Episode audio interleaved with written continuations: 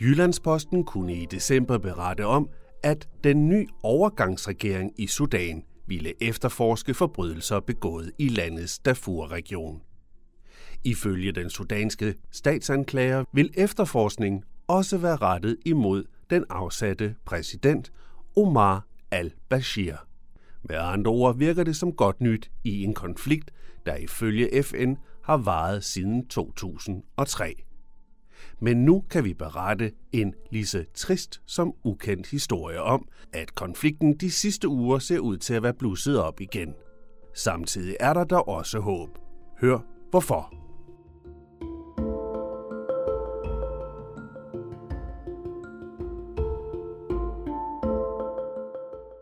Et folkedrab, en etnisk udrensning. Det var det, blandt andet FN kaldte den såkaldte Darfur-konflikt. Ifølge FN's tal, så er antallet af ofre usikkert, men mindst 300.000. Altså lige så mange børn, gamle, voksne, ja hvad som helst, der bor i Odense. Udover usigelige lidelser, der netop følger kølvandet med ordene etnisk udrensning og folkedrab, så betyder konflikten, at mange har taget flugten fra området og er strømmet ind i de meget fattige naboland, Chad. Mange hundredtusindvise af flygtninge bor under ofte kummerlige forhold i flygtningelejre. En ny overgangsregering i Sudan gav ellers håb om, at konflikten ville få en ende snart. Vi vil den her udsendelse fortælle en historie, få andre medier har taget op, på trods af de enorme lidelser, konflikten har medført. Til at hjælpe os med den historie, har jeg talt med ham her. Uh, mit navn er Stig Jensen. Jeg er lektor på Center for Afrikastudier ved Københavns Universitet og netop hjemkommet fra en arbejdsrejse til, uh, til Chat. Hvad så du der? Ja, det jeg så der, uh, det var sådan set, uh, at altså for det første, der sker rigtig mange spændende ting i chat, men en af de ting, jeg, jeg så og jeg hørte, det var jo om, uh, om de her øgede flygtningestrømme fra, fra Darfur-regionen. Og uh, jeg talte med, uh, med FN, dernede, som netop sagde, at der er sket en intensivering af, af flygtningestrømmene øh, ind i chat øh, fra Darfur-regionen i de seneste par uger. Hvad tyder de her øgede flygtningestrømme på? De øh, tyder på, at, øh, at der er en opblusning af, af den her etniske udrensning, som jo primært har været det, som den her Janjaweed-milits, øh, som de har stået for, øh, og det, som som også på et tidspunkt blev kaldt et folkemord i regionen her, ikke? Som, som man egentlig havde regnet med, at, øh, at det var sådan set afsluttet med den her nye overgangsregering her. Men det viser sig, at den, øh, det fortsætter nu og er blevet intensiveret her inden for de seneste par uger. Kan du ikke lige forklare lidt mere om den her milits og også sammenhængen til den regering? Altså, den her Janjaweed-milits, det er sådan set en øh, en militær gruppe, som har stærke øh, relationer til den centrale ledelse i Sudans militær. Det er sådan, så Sudans militær står faktisk, består af, af forskellige militsgrupper. Og det her, det er regnet for en af, de, en af de stærkeste, men også en af dem, der har udført noget af det mest øh, blodige øh, på kontinentet i de senere år. Altså faktisk står Janjaweed for, for djævlene på heste. Ikke? At de har været ekstremt effektive i at, at, at for eksempel lave det her etniske udrensning. Og her har de, er de jo gået efter øh, et, et minoritetsfolk her i, i det her område her, som de egentlig ikke øh, mener øh, hører hjemme i Darfur-regionen, selvom de har boet der i, øh, i altid faktisk. Øh, Shahava-folket hedder det. De her militsfolk, som du siger, der har begået folkemord, hvor mange øh, har man nogen tal på det? Jeg har ikke talt på, øh, øh, hvor mange øh, der, øh, der er blevet dræbt. Og man kan sige, at statistik er altid utrolig vanskeligt øh, fra, den her, fra den her region. Så, så jeg tør ikke sige noget om, hvor mange der er blevet dræbt. Men de tal, jeg hørte fra, fra FN i forhold til, hvor mange der var flygtet ind her, øh, der havde de tal på omkring 157.000 i, som de har registreret i øjeblikket øh, i forhold, som, som er kommet ind her. Hvor, hvor, hvor mange der er blevet blevet dræbt i det, det der kaldes folkemord, det er noget, der, der diskuteres vidt og bredt. Når der kommer så mange flygtninge ind i et land på én gang, hvad gør de så ved landet?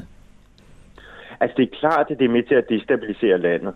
Øh, det, der så også er lidt interessant, det er så også, at, øh, at den her gruppe, som nu kommer ind i stort antal, den her Sahara øh, etniske gruppe her, det er faktisk også nogen, som bor traditionelt i grænseområden i Tchad her, og egentlig i chat øh, er en ret privilegeret gruppe, i hvert fald nogle af klanerne inden for den her gruppe, fordi at øh, præsidenten i, i Tchad, Deby, han faktisk tilhører den her etniske gruppe her. Øh, så på en eller anden måde, så har der også været et forsøg øh, i chat på ligesom at, at, at absorbere de her folk, der kommer ind.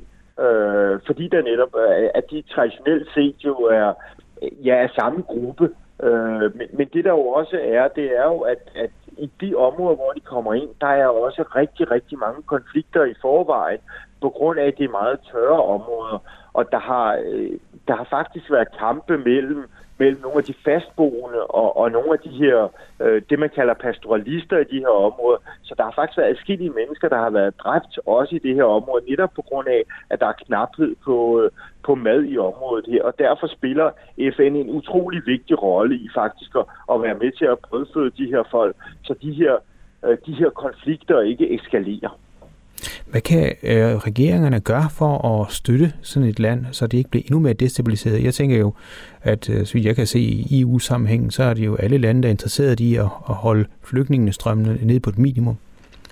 Altså man kan jo i hvert fald sige, at det der allerede sker nu, det er jo både FN, men også øh, EU går sådan set ind og støtter, fordi Tjad er faktisk ret hårdt belastet af flygtninge, fordi der, der, er, den her, der er den her nu øh, ret akutte flygtningestrøm fra, fra Darfur, men der er faktisk også en flygtningestrøm ind fra den centralafrikanske republik mod, mod syd, hvor der også er nogle konflikter her. Ikke?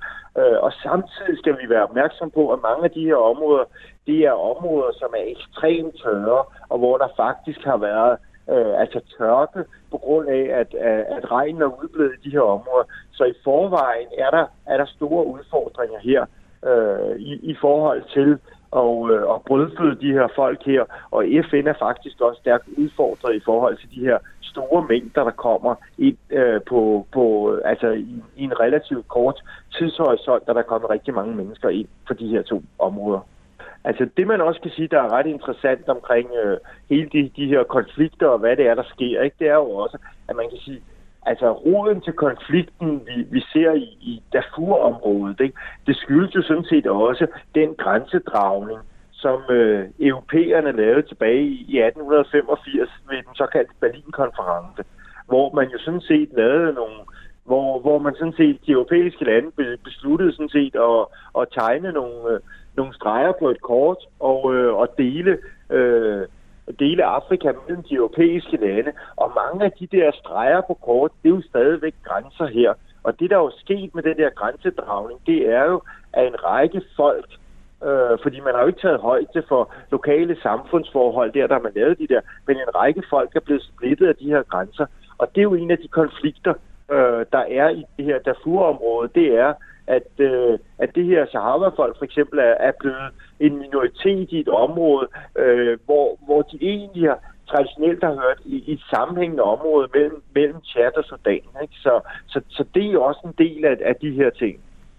Jeg tror, at det er meget vigtigt øh, i den her overgangsperiode i Sudan, at man lægger det maksimale pres øh, på øh, militæret i overgangsregeringen for også at give de civile kræfter øh, noget opbakning og nogle muskler i forhold til at få skabt fundamentet for et, et virkeligt demokrati. Et demokrati, hvor det bliver øh, de demokratiske kræfter og folket, der kommer til at bestemme over militæret, og at det ikke bliver militæret, som det altid har været, som er dem, der kontrollerer øh, landet og øh, giver øh, militser som Janjaweed frit spil til øh, at lave etniske udrensninger og andre overgreb på civilbefolkningen i Sudan.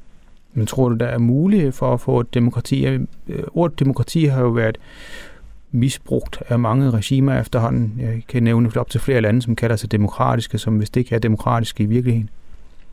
Men det er, en, det er en virkelig vanskelig opgave. Det, det er der ingen tvivl om, og man kan jo sige, det der, det der er den store udfordring også for, for Sudan, det har jo været, at de aktivister, som sidder med i, øh, i den her overgangsregering, har jo ikke været specielt øh, organiseret på forhånd, fordi det her meget undertrykkende styre under Bashir har jo gjort alt for at eliminere opposition og forbudt partier og sat folk i fængsel, og der er rigtig mange i landflygtighed, og selvfølgelig rigtig, rigtig mange der, folk, der, der er dræbt. Så i den her overgangsregering, så er det selvfølgelig militæret, der er de organiseret. Det er dem, der har alle netværkerne. Det er dem, der har kontakter ind i det administrative system og sådan noget lignende. Så, så den her gruppe af civile, der er med her, øh, er selvfølgelig meget svagt funderet. Men der er det jo vigtigt for det internationale samfund øh, at være at prøve at komme ind og støtte op om, at de her, at de her civile øh, i den her overgangsregering kan få det bedst mulige fundament for rent faktisk at skabe de bedste betingelser for et, et demokratisk valg. Og så må vi se, hvordan det går. Er du optimistisk i forhold til det? Det er en vanskelig proces, og jeg synes, det er ikke blevet gjort mindre vanskeligt i, at man har sagt, at den her overgangsregering skal sidde i to år. Øh, fordi det gør, at, øh, at der kan godt komme sådan en, øh, en, en proces, hvor man ligesom får trættet hinanden, og der tror jeg igen, at, at militæret, fordi de er stærkt organiseret, har et stærkt projekt, øh, at de måske ville være dygtigere til at udmanøvrere og måske spille øh, de forskellige øh, aktivistgrupper ud imod hinanden. Så, øh, så det, er en, øh, det er en vanskelig proces. Øh, det er svært for alvor at være optimistisk, men jeg synes dog, at man skal være optimistisk i forhold til, hvad der er sket inden for det seneste år. Fordi det tror jeg ikke, at der var ret mange øh, sudaniser eller kender af sudanske forhold, som ville have forestillet sig, at der var kommet så langt i processen her. Så trods alt en optimistisk tone her til sidst. Jeg synes, at der er grund til at være optimistisk i forhold til, hvad der er sket det seneste år. Og der er helt klart nogle perspektiver på fremtiden, men jeg tror også, det er meget vigtigt, at det internationale samfund går ind og prøver at, at skabe nogle betingelser, så overgangsregeringen og især de civile kan vise, at der kommer fremskridt. Altså for eksempel, hvis der kommer øget, øh, hvis der kommer øget investeringer, øget samhandel og alle de her ting her, så der også kommer en økonomisk udvikling. For jeg tror faktisk, at, øh, at økonomisk udvikling er faktisk en forudsætning for, at man kan skabe et, et, et stabilt demokrati.